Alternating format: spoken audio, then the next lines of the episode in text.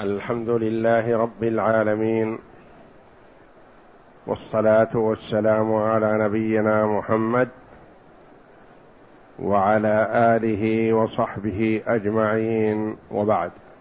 بسم الله. بسم الله الرحمن الرحيم. والصلاة والسلام على أشرف الأنبياء والمرسلين نبينا محمد وعلى آله وصحبه أجمعين. يقول المؤلف رحمه الله تعالى باب ما جاء في الذبح لغير الله. قول المؤلف رحمه الله تعالى باب ما جاء في الذبح لغير الله. سيذكر رحمه الله تحت هذا الباب بعضا من الآيات الكريمة والأحاديث النبوية في النهي وتحريم الذبح لغير الله والمراد ذبح التعبد والإجلال ذبح التعظيم.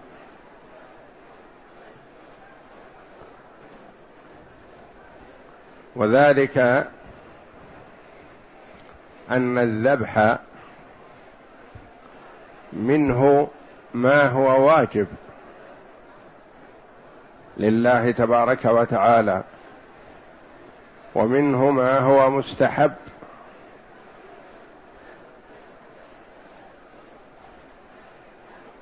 والذبح لغير الله المراد ذبح التقرب لغير الله ذبح التعظيم لغير الله. هذا شرك أكبر. ذبح لأجل اللحم أو إكراما لضيف لتقديم الذبيحة له إكراما للضيف هذا مباح. وإنما المنهي عنه والمحرم والذي هو من الشرك ذبح الإجلال والتعظيم والتقرب لغير الله كائنا من كان. حتى وإن كان ملك من الملائكة أو رسول من الرسل أو ولي من الأولياء أو ميت أو حي كالسلطان والرئيس ونحوهم.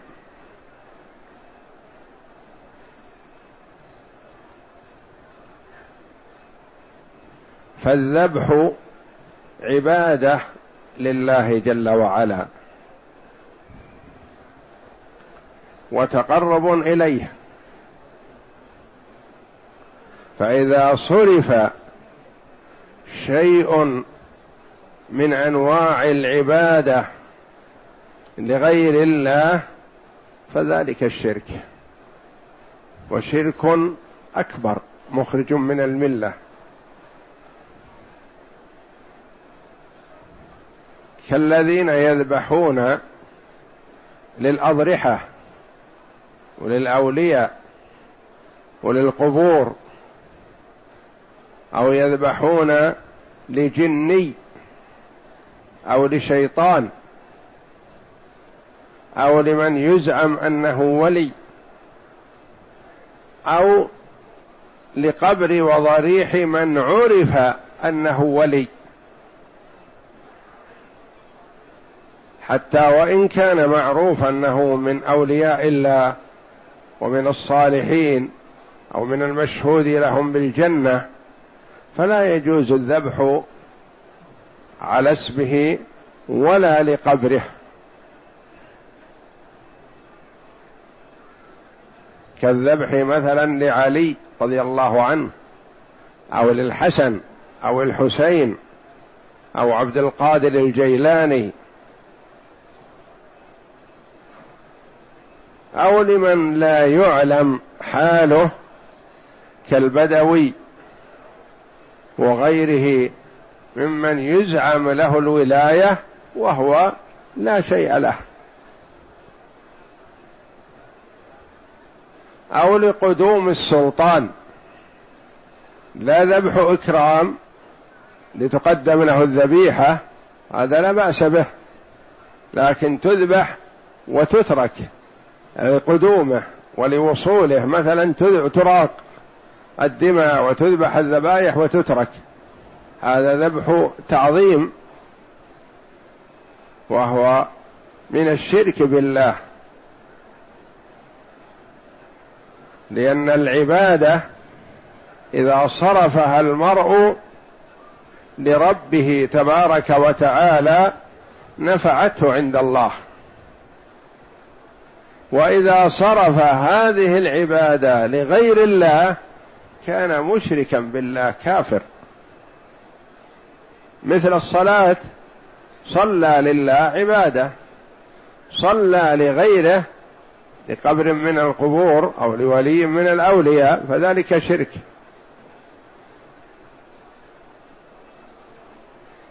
تصدق بصدقة ابتغاء وجه الله وذلك لله. تصدق بصدقة تقربا إلى فلان أو علان أو الولي أو الضريح أو صاحب المشهد فذلك شرك. الخضوع والتذلل لله جل وعلا عبادة والخضوع والتذلل لغير الله شرك.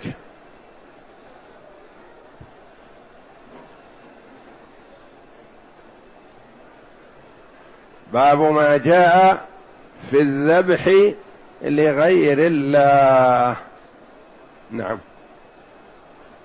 يقول الله تعالى قل إن صلاتي ونسكي ومحياي ومماتي لله رب العالمين لا شريك له. يقول الله جل وعلا لعبده ورسوله محمد صلى الله عليه وسلم قل يعني قل للناس عامة. أعلن هذا للناس كلهم. قل إن صلاتي ونسكي. قرن النسك مع الصلاة. والمراد بالصلاة الصلاة المعروفة الشرعية.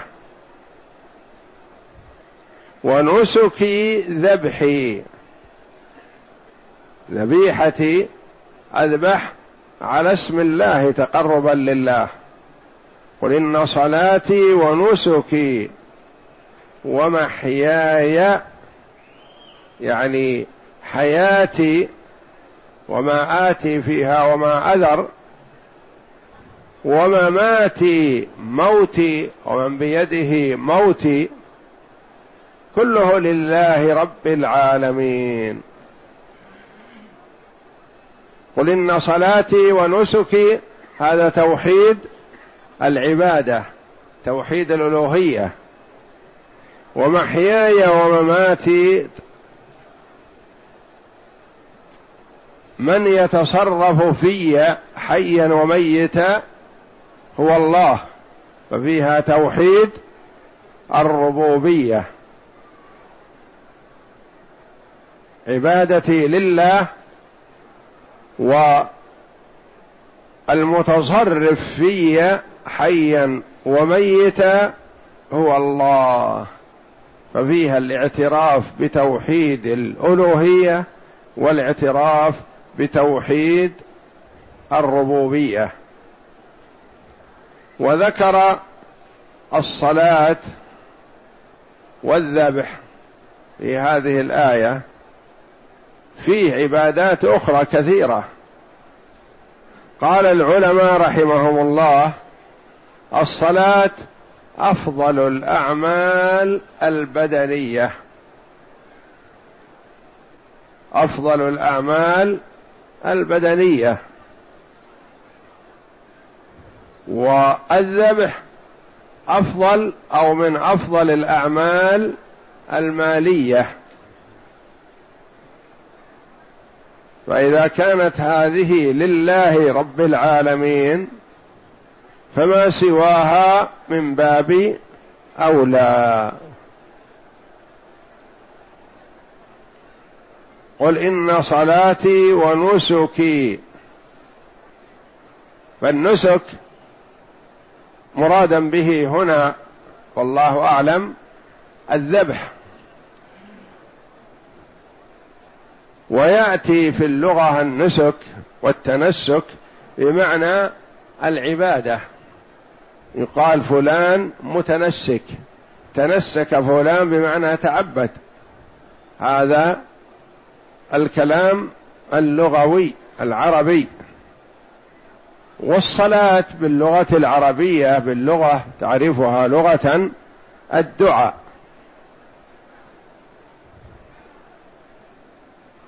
كما قال الله جل وعلا وصل عليهم إن صلاتك سكن لهم. أمر الله محمدا صلى الله عليه وسلم إذا جاءه أحد من الصحابة بصدقته أن يدعو له. أن يدعو له. فالصلاة في اللغة الدعاء وفي العرف الشرعي هي أقوال وأفعال مخصوصة مفتتحة بالتكبير مختتمة بالتسليم. والمراد هنا التعريف الشرعي الصلاه التي هي عبادة وقربة لله جل وعلا وليس المراد بها الدعاء. والنسك ليس المراد به والله أعلم. التعبد وإنما المراد به الذبح.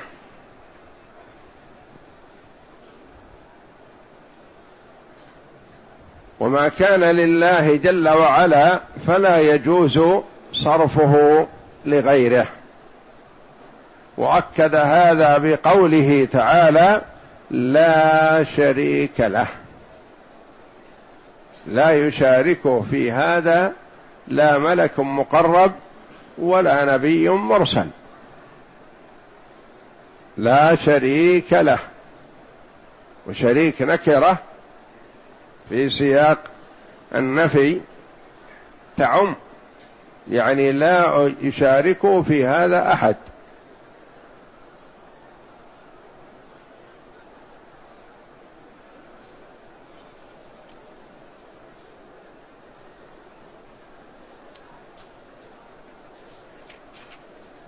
نعم. وقوله تعالى فصل لربك وانحر. فصل لربك وانحر. النحر الذبح والصلاة الصلاة المعروفة. يعني صل لربك وانحر لربك. النحر والذبح يكون على اسم الله تبارك وتعالى ولوجه الله. فلا بد أن يكون على اسم الله لتحل الذبيحة وأن يكون لوجه الله وإلا إذا كان لغيره ولو ذكر اسم الله فذلك الشرك الأكبر ولا تحل الذبيحة. إذا ذبحها للصنم أو للقبر أو للولي فلا تحل الذبيحة حتى لو ذكر اسم الله لو قال بسم الله وذبح عند قبر فلان تقربا إليه فذلك الشرك الأكبر ولو سمى الله فلا تحل الذبيحة. وإنما تحل الذبيحة إذا ذبحت على اسم الله جل وعلا. تقربا إلى الله كالهدي والأضحية والعقيقة. هذه ثلاثة أنواع تذبح تقربا إلى الله جل وعلا.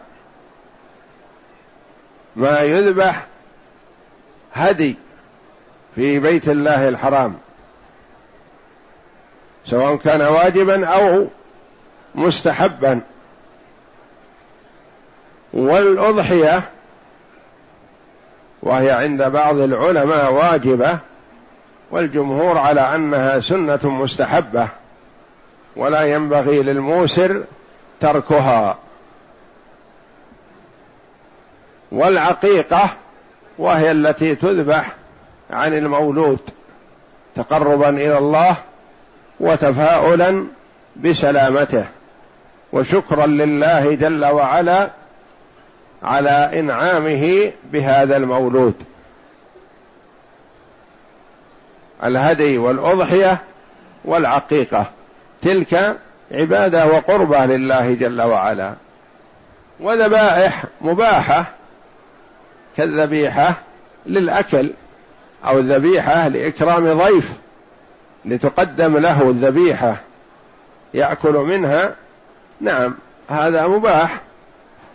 وكرم وصفة حسنة ولا يكون الذبح تعظيما لهذا لأن فرق بين ذبح الذبيحة لإكرام الضيف أو ذبح الذبيحة تعظيما للقادم. ذبح الذبيحة تعظيما للقادم كالتي تذبح عند القدوم وتترك. هذه ذبيحة لا تحل لأنها ذبحت لغير الله.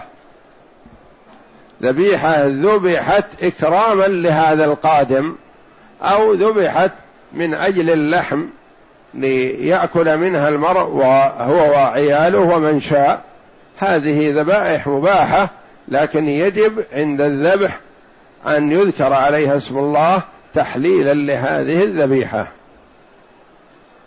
والله جل وعلا في هذه الآية الكريمة يأمر نبيه صلى الله عليه وسلم أن تكون صلاته لله وذبحه لله. قل إن فصل لربك وانحر.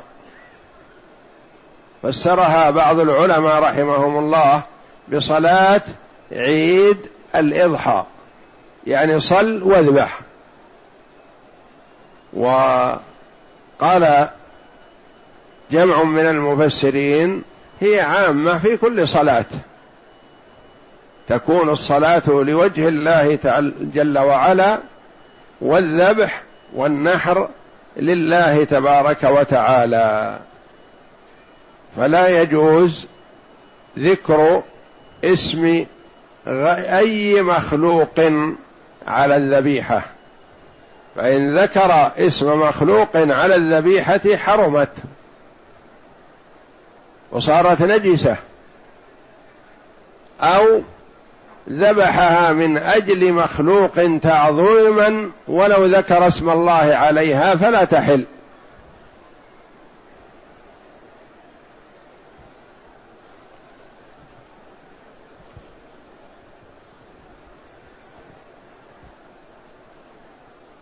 نعم.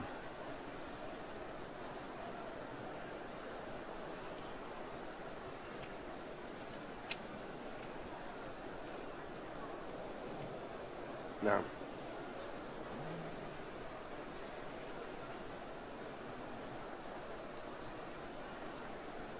وعن علي بن أبي طالب رضي الله عنه قال حدثني رسول الله صلى الله عليه وسلم بأربع كلمات. لعن الله من ذبح لغير الله. لعن الله من لعن والديه. لعن الله من آوى محدثا. لعن الله من غير منار الأرض. هذا الحديث عن علي بن أبي طالب رضي الله عنه. يقول حدثني رسول الله صلى الله عليه وسلم بأربع كلمات. يعني أربع جمل مفيدة وليس المراد بها كلمة فقط قام أو زيد أو علي لا وإنما هي تطلق الكلمة ويراد بها الكلام المفيد. كما يقال ألقى فلان كلمة جيدة. كلمة ربما تكون صفحات. يقول حدثني رسول الله صلى الله عليه وسلم بأربع كلمات. ما هذه الأربع؟ بينها رضي الله عنه بقوله لعن الله من ذبح لغير الله. لعن الله من لعن والديه. لعن الله من آوى محدثا. لعن الله من غير منار الأرض. هذه الأمور الأربع من كبائر الذنوب وهي متنوعة. فالأول حق الله جل وعلا والثاني في حق الوالدين والثالث في حق عموم الناس فيما يتعلق فيما يؤذيهم بأي نوع من أنواع الأذى. والرابع فيما يؤذي الناس ويسلب أموالهم في العقار. لعن الله من ذبح لغير الله. كلمة لعن الله اللعن من الله جل وعلا الطرد والإبعاد عن رحمته. الطرد والإبعاد عن رحمة الله هذا هو اللعن من الله جل وعلا. وهذا الأسلوب من النبي صلى الله عليه وسلم يحتمل أنه دعاء ويحتمل أنه خبر. خبر يخبرنا النبي صلى الله عليه وسلم بأن الله لعن وطرد من رحمته من ذبح لغيره تعالى. ويحتمل أنه دعا أن النبي صلى الله عليه وسلم يدعو على من ذبح لغير الله بأن الله يطرده من رحمته. وأيهما أبلغ؟ قالوا كونه خبر أبلغ. لأن خبر النبي صلى الله عليه وسلم صدق وحق لا محالة. بخلاف الدعاء فقد يدعو النبي صلى الله عليه وسلم أو يدعو غيره فلا يستجاب الدعاء. قد يرد لسبب من الأسباب. فكونها خبر أبلغ. لأن الرسول يخبر بأن الله لعن من ذبح لغير الله. والمراد ذبح لغير الله كما تقدم ذبح تعظيم وإجلال وعبادة. لعن الله من ذبح لغير الله. لعن الله من لعن والديه. لعن الوالدين قد يتصور من بعض الجهال ومن بعض أصحاب الفجور والمعاصي والعقوق يلعن الوالدين مباشرة. وقد لا يكون مباشرة وإنما سبب يتسبب لوالديه باللعن فيكون هو ملعون والعياذ بالله. لأنه تسبب لوالديه باللعن. يعني إذا لعن والدي غيره.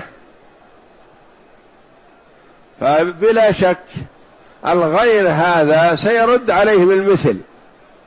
سيلعن والديه.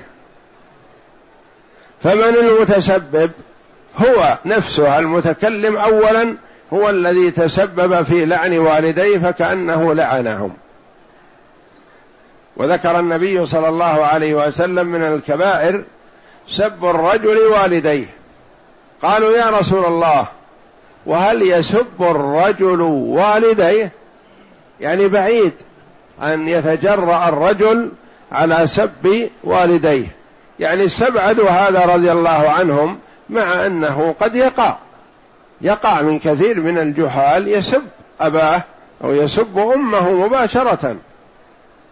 لكن الصحابة رضي الله عنهم استبعدوا أن يسب الرجل والديه. فبين لهم النبي صلى الله عليه وسلم أن سب الرجل والديه قد يكون مباشرة وقد يكون سببا. فالرجل إذا سب والدي زيد فبطبيعة الحال زيد سيرد عليه. ويسب والديه أو يلعن والديه. فيكون كأنه هو الذي سب والديه نفسه. والمراد بالوالدين من لهم ولادة مباشرة أو لأب أو لأم. حتى وإن على يعني لو سب جده أو سب جد جده من قبل أبيه أو من قبل أمه فيكون مستحق لهذا الدعاء واللعن والطرد والإبعاد عن رحمة الله. وذلك أن حق الوالدين هو أعظم الحقوق بعد حق الله تبارك وتعالى. فبدلا من أن يعطيهم حقهم بالبر والصلة والإعانة والنفع وغير ذلك يتسلط عليهم فيؤذيهم. فيكون هذا لا خير فيه والعياذ بالله. هذا مجرم وفاسق ومستحق للطرد والإبعاد عن رحمة الله. لأنه ما يليق بالمرء العاقل أن يسيء إلى مسلم ايا كان وإن كان بعيد. فما بالك بالذي يسيء إلى صاحب النعمة عليه؟ يسيء إلى والديه أو يسيء إلى من أحسن إليه؟ هذا مجرم. فهو يستحق والعياذ بالله الطرد والإبعاد عن رحمة الله. لعن الله من آوى محدثا. المحدث هو من أحدث حدثا يسيء إلى الإسلام والمسلمين عموما أو يسيء إلى فرد من أفراد المسلمين. لأن لكل مسلم حرمة وله كرامة. وقد قال عليه الصلاة والسلام إن دماءكم وأموالكم وأعراضكم عليكم حرام. كحرمة يومكم هذا في شهركم هذا في بلدكم هذا.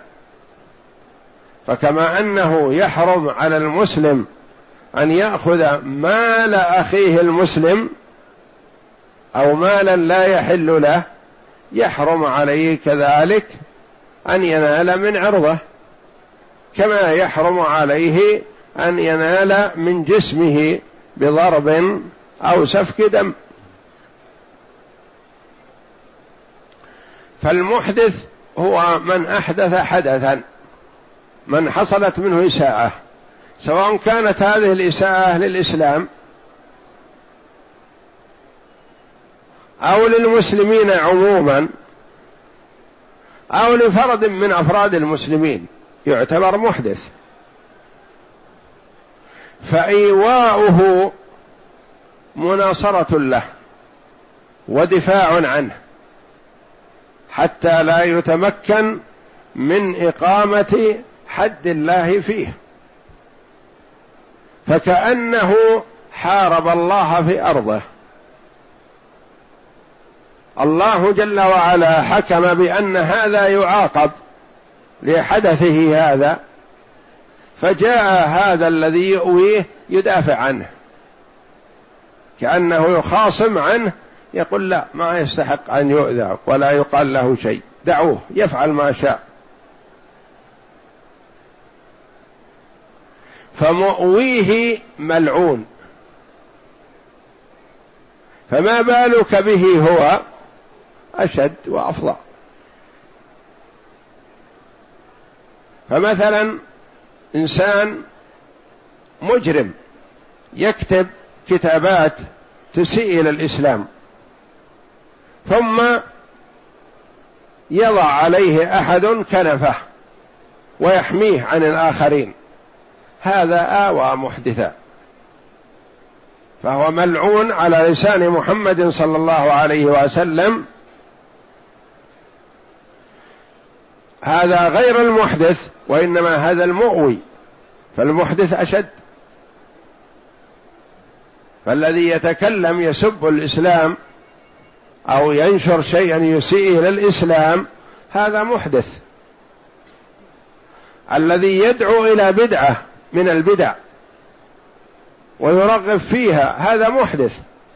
فمن يحميه من الناس هذا يعتبر آوى محدثا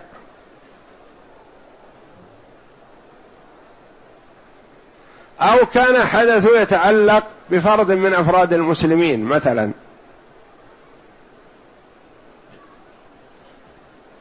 سارق سرق مال شخص محرم سرقته سواء كان مسلم أو ذمي. وعرف أن السارق فلان فحماه أحد الأفراد الأقوياء. قال لا هذا ما يمكن تقطع يده. حماه فمن حماه فهو ملعون على لسان محمد صلى الله عليه وسلم. رجل قتل فطلب لإقامة الحكم الشرعي عليه. فحماه أحد الأفراد فيعتبر هذا آوى محدثا. لأن المفروض أن يكون المسلمون يدا واحدة. من يسيء إليهم كلهم يتبرؤون منه ويسلمونه للحكم الشرعي وللعدالة. ولا يعطف عليه أحد يمنع عنه الحكم الشرعي وهو مجرم. لأنه يكون أعانه على ظلمه. بحمايته إياه أعانه على ظلمه فاستحق اللعن والطرد والإبعاد عن رحمة الله.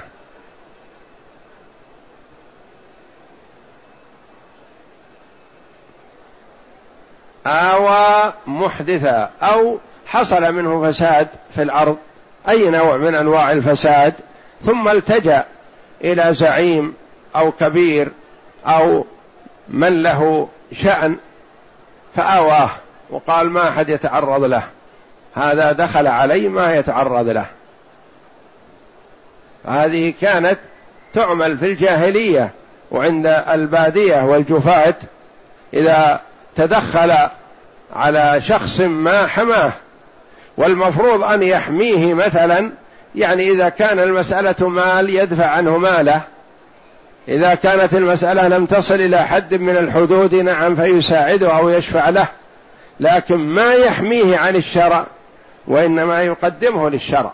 يقول الشيء الذي يجب عليه شرعا أنا ما أقف وجه في وجهه. لعن الله من آوى محدثا. يعني حماه ودافع عنه وآواه إلى نفسه ومنع غيره من أن يأخذ حقه منه. لعن الله من غير منار الأرض. منار يعني علامات. منار الأرض علامات الأرض. مثلا المزارع والدور والأراضي الواسعة الشاسعة مثلا أو الضيقة الصغيرة فيها علامات. هذا حد فلان من حد فلان. يأتي ليلا أو في حال خفية ينزع المرسام هذا ويدخله على ذا ليزيد في أرضه.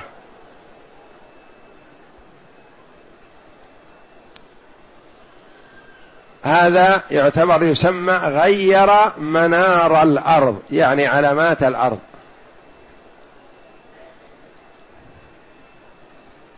ف وهو متوعد بهذا الوعيد أن الله يطرده ويبعده عن رحمته لأن هذا فيه إيهام للناس وفيه تعدي على الحقوق وفيه أكل لمال الناس بالباطل. يعني تكون أرضه كذا فيأخذ المرسام ويدخله على جاره فيكون أخذ من أرض جاره. فهو ملعون بهذا الحديث ومتوعد بالوعيد الآخر من ظلم قيد شبر من الأرض طوقه من سبع أراضين يوم القيامة. يجعل طوقا في عنقه من سبع أراضين. والله جل وعلا على كل شيء قدير. ما يستبعد الإنسان أو يقع في نفسه عدم التصديق لأن هذا يقول شيء ما هو, ما هو ممكن. محال. محال على زيد وعمر وأما في حق الله جل وعلا فالله على كل شيء قدير.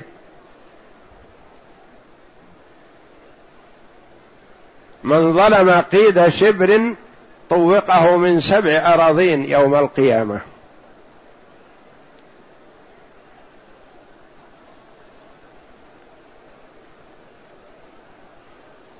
سعد بن أبي وقاص رضي الله عنه كان قد دعا له النبي صلى الله عليه وسلم بإجابة الدعاء.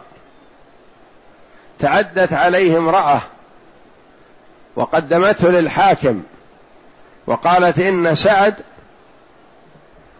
ظلمني في أرضي وأخذ مني كذا.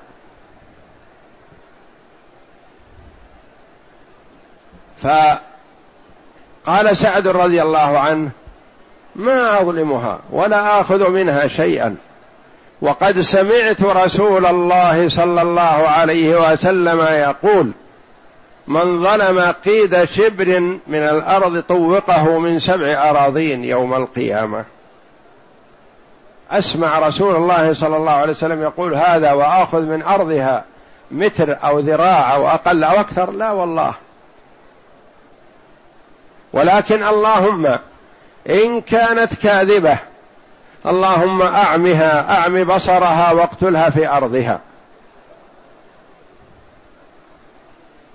فمكثت أياما بعد هذا فكف بصرها.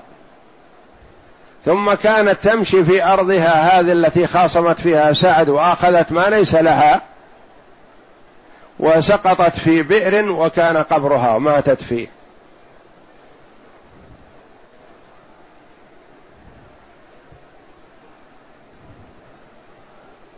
من ظلم قيد شبر من الأرض طوقه من سبع أراضين يوم القيامة. وهذا لأن فيه ايهام وأخذ مال الغير بالباطل. وربما لا يعرف يخفى على الناس خاصة في الأراضي الكبيرة والشاسعة إذا قدم المرسام أو أخره لا يدرى عنه. أو ربما قدمه في الأراضي الضيقة الصغيرة لكن ذات قيمة وقدمه وإن كان تقديم يسير بشبر أو أقل من الشبر. طوقه من سبع أراضين يوم القيامة واستحق اللعن والعياذ بالله. لعن الله من غير منار الأرض. وغالبا أن من أخذ ما لا يحل له لا يستفيد منه في الدنيا ويكون ضرر عليه في الآخرة والعياذ بالله. قد يظلم أمتار أو أذرع أو شبر أو أقل يظلمه فلا يستفيد من هذه الأرض كلها. يحرم الاستفادة منها. فيحذر المسلم الظلم في هذا وإذا أوهم الأمر وشك فيه يصطلح مع صاحبه يصطلح مع صاحبه أو يفوضان من يصلح بينهما ويقيس أو يحكمان شخصا يرضيانه. ولا يتعدى على أرض صاحبه ولا بشيء يسير.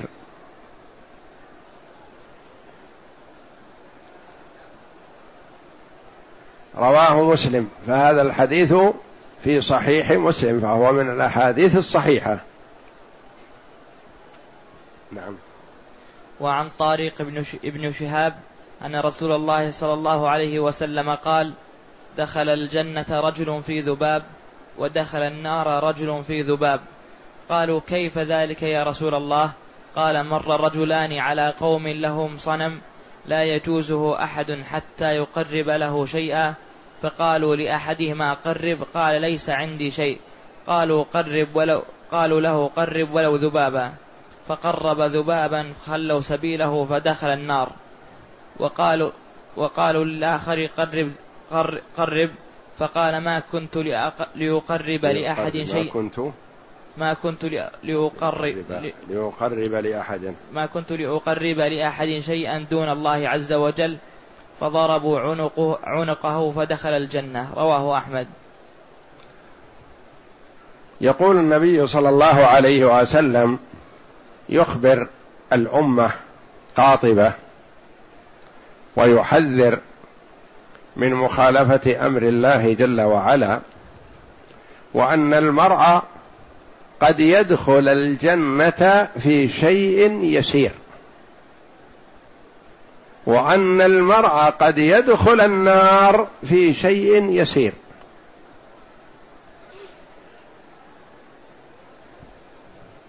فالجنة قريبة ممن وفقه الله جل وعلا. والنار قريبة ممن حرمه الله جل وعلا التوفيق. يعني سبب بسيط صدقة يتصدق بها كلمة طيبة يكتب الله له بها رضاه إلى يوم يلقاه. كلمة في موطن حساس ما يجامل ولا يداهم ويقول ما تبرأ به الذمة وإن أوذي من أجلها ما يبالي يكتب الله له بها رضاه إلى يوم يلقاه. لأن العمل قد يكون ثوابه ليس على قدره وإنما على قدر ما يترتب عليه من أمور عظيمة. فالله جل وعلا كما قال النبي صلى الله عليه وسلم اطلع على أهل بدر فقال اعملوا ما شئتم فقد غفرت لكم. الله جل وعلا يعلم أنهم لا يشركون لكن قد يحصل منهم معاصي فهي مغفورة بخروجهم مع النبي صلى الله عليه وسلم في بدر. وإن الرجل لا يتكلم بالكلمة من سخط الله لا يظن أن تبلغ ما بلغت يكتب الله عليه بها سخطه إلى يوم يلقاه. وفي حديث آخر يهوي بها في النار سبعين خريفا وفي آخر يهوي بها في النار ابعد ما بين المشرق والمغرب. كلمة يجامل فيها على حساب الآخرين أو يضر بها مسلم أو يشهد بها شهادة فاجرة تكون سببا لخسارته وهلاكه. فالنبي صلى الله عليه وسلم يحذر الأمة بأن لا تستصغر شيئا من الخير كما لا تستصغر وتحتقر شيئا من الشر.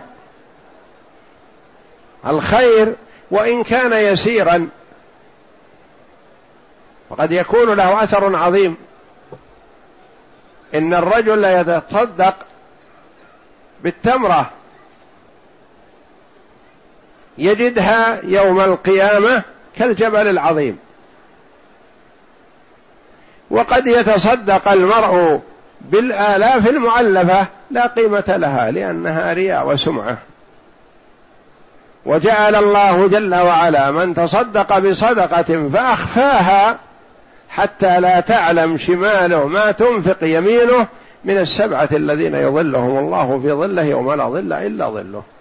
وقد يتصدق بريال أو بعشرة ريالات أو بجزء من أجزاء الريال فيصادف حاجة من المتصدق عليه ينتفع بهذا وهو قصد وجه الله جل وعلا وأخفى ذلك عن الناس كلهم. فيظله الله في ظله يوم لا ظل إلا ظله وصدقته ريال أو أقل. ولذا قال النبي صلى الله عليه وسلم دخل الجنة رجل في ذباب. في هنا بمعنى الباء يعني بسبب ذباب. ودخل النار رجل في ذباب. واحد دخل الجنة بسبب الذباب والآخر دخل النار بسبب الذباب. قالوا يا رسول الله كيف ذلك؟ هذه ما هم شاة أو بعير أو بقرة. يقال ذبحه لغير الله. ذباب لا قيمة له. كان سبب في دخول الجنة مع ما ترتب عليه. وآخر سبب في دخول النار والعياذ بالله. كيف ذلك يا رسول الله؟ قال مر رجلان على قوم لهم صنم. لا يجوز أحد حتى يقرب له شيئا. يعني سدن الصنم من الأصنام في طريق من الطرق. هذا الصنم في طريق من الطرق. ما يجعلون أحد يمر من عنده حتى يقرب لصنمهم شيئا ما.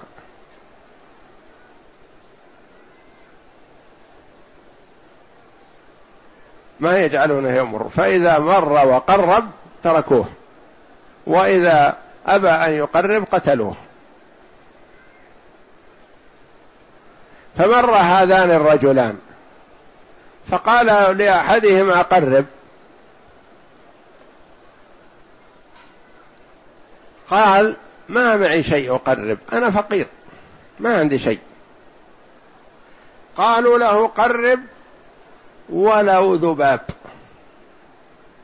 فقرب ذباب. قرب ذباب تقربا إلى صاحب الصنم هذا. ماذا فعل بهذا التقرب؟ كفر وأشرك. قرب لغير الله. والتقريب والتعبد لله وحده. فهذا تعبد لغير الله بذبح الذباب والعياذ بالله. فخلوا سبيله لأنه قرب ذباب. الآخر وكلاهما مسلم. الآخر قالوا له قرب.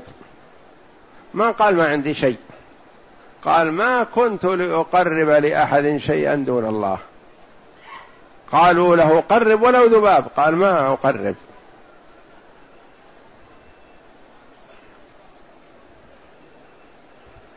فعصاهم فتسلطوا عليه وقتلوه.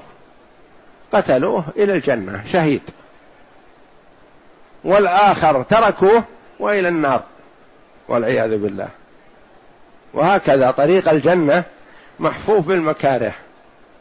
وطريق النار محفوف بالشهوات ما تشتهيه النفس.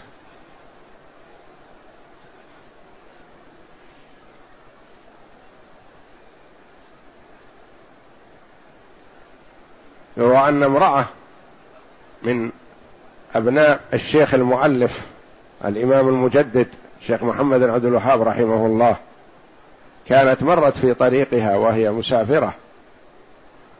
وكان فيه مثل هذا يعني طريق محجور ما أحد ينفر حتى يقرب. فطلبوا من قائدها ماسك بقيادة البعير أن يقرب. قال نقرب ترابا في وجوهكم. فرفعت صوتها رحمه الله وقالت لا نقرب ولا تراب لأن الذي قرب ذباب دخل النار فكان عندها من معرفة التوحيد وتحقيقه ما جعلتها ما تصبر على ما قال قائدها في قول نقرب تراب في وجوهكم قالت ما نقرب ولا تراب. لأن كلمة القائد كأنه يقول نقرب تراب وهو قصده سبهم واحتقارهم لكن قالت لا لا نقرب ولا تراب لأن التراب أغلى من الذباب والذي قرب ذبابا دخل النار لا نقرب ولا تراب.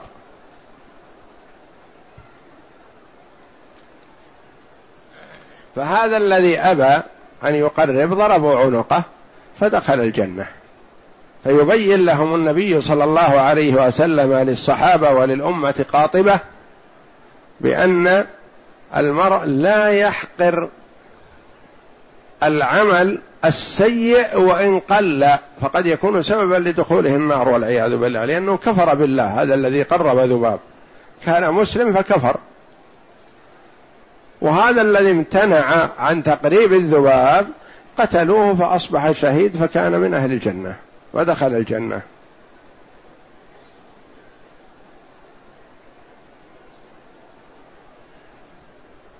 يؤخذ من هذا في حالة الضرورة والأمور التي يضطر لها الإنسان.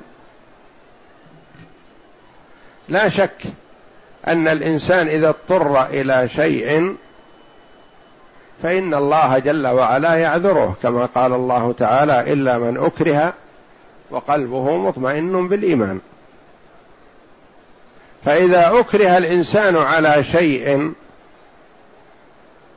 فإن صبر وتحمل الأذى فذلك نوع من أنواع الجهاد.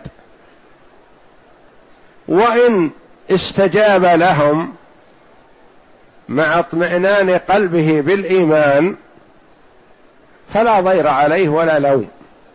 لكن أيهما أفضل؟ الصبر وتحمل الأذى والمصيبة أم الاستجابة والتخلص من الأذى؟ الاستجابة ظاهرا أما باطنا فيحرم أن يستجيب. قال العلماء رحمهم الله هذا لا يخلو. إن كان في استجابته ضرر على الإسلام والمسلمين فالأولى له ألا يستجيب ويتحمل الأذى. وإن لم تكن في استجابته هذه ضرر على الإسلام والمسلمين فلا بأس عليه أن يستجيب بشرط أن يكون قلبه مطمئن بالإيمان. وجعلوا من هذا النوع مثلا حبس الإمام أحمد رحمه الله وضربه وأذاه من أجل أن يقول بخلق القرآن. فالإمام رحمه الله له عذر لو قال أو لو تأول كما تأول غيره لكنه رضي الله عنه ورحمه أبى أن يقول خشية أن يضل الناس. قال ما هذا يعود إلي نفسي وحدي وإنما يعود إلى الناس سياخذون مني فأكون سببا في إضلالهم. لإي؟ لتسلم نفسي من العقوبة. لا أخلي يتحمل الأذى وتحمل الضرب ولا أضل الآخرين. والصحابي الذي جاء إلى النبي صلى الله عليه وسلم وهو يبكي متأثر فقال أخذني المشركين وما زالوا بي حتى أسمعتهم كلاما فيك ما أرضاه. يعني طاوعتهم وقلت لهم ما يرضيهم فيك يا رسول الله. قال كيف تجد قلبك؟ يعني انحرفت معهم؟ قال لا قلبي مطمئن بالإيمان. قال إن عادوا فعد إذا أخذوك واضطروك أن تقول قول مثلا فاستجب لهم وقل لتخلص نفسك. فالمرء إذا ابتلي بشيء ما وهو لا يطيق يعني فيه مشقة تحمله وصبر عليه فاستجاب للمخالف وقال ما يرضيه لأجل أن يسلم من هذا الأذى بشرط أن لا يتعدى الأذى للآخرين. فإنه حينئذ يكون معذور كما قال الله جل وعلا إلا من أكره وقلبه مطمئن بالإيمان ولكن من شرح بالكفر صدرا.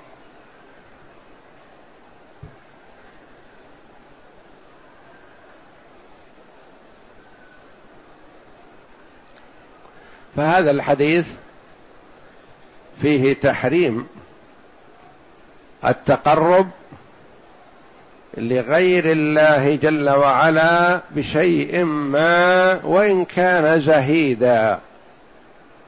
لأن الذباب ما يتقرب به لكنه أرضاهم وأعطاهم ما يريدون وتقرب بالذباب لغير الله فقتلوا فتركوه يمر فهلك بسبب هذا لأنه استجاب لهم وارعوى معهم ولم يقل ذلك على سبيل التخلص ونحو ذلك وإنما هم ألزموه فمطلبهم سهل بالنسبة له.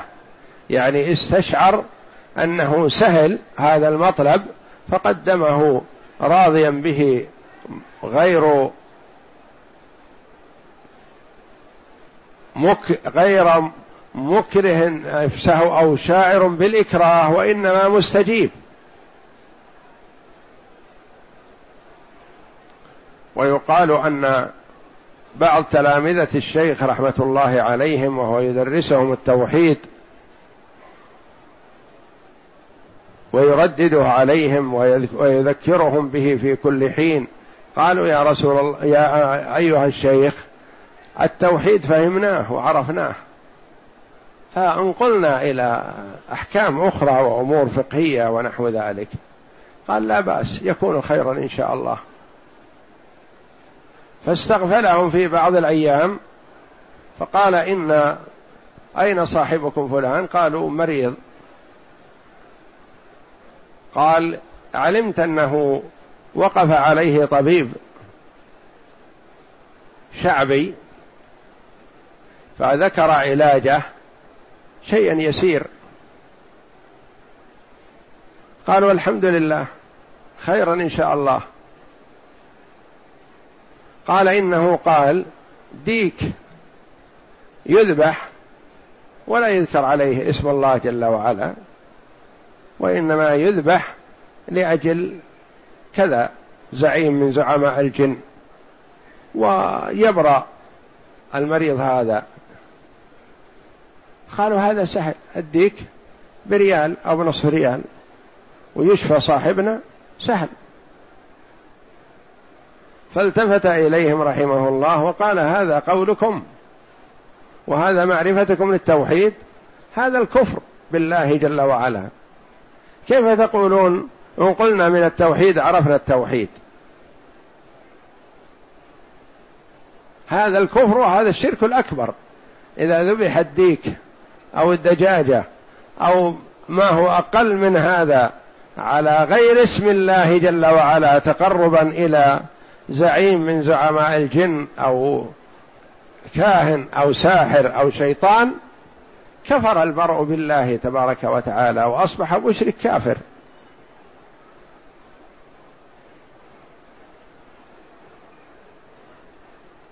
فحثهم رحمه الله على دراسة التوحيد بتعمق وألا يقولوا فهمناه وهم لم يفهموه.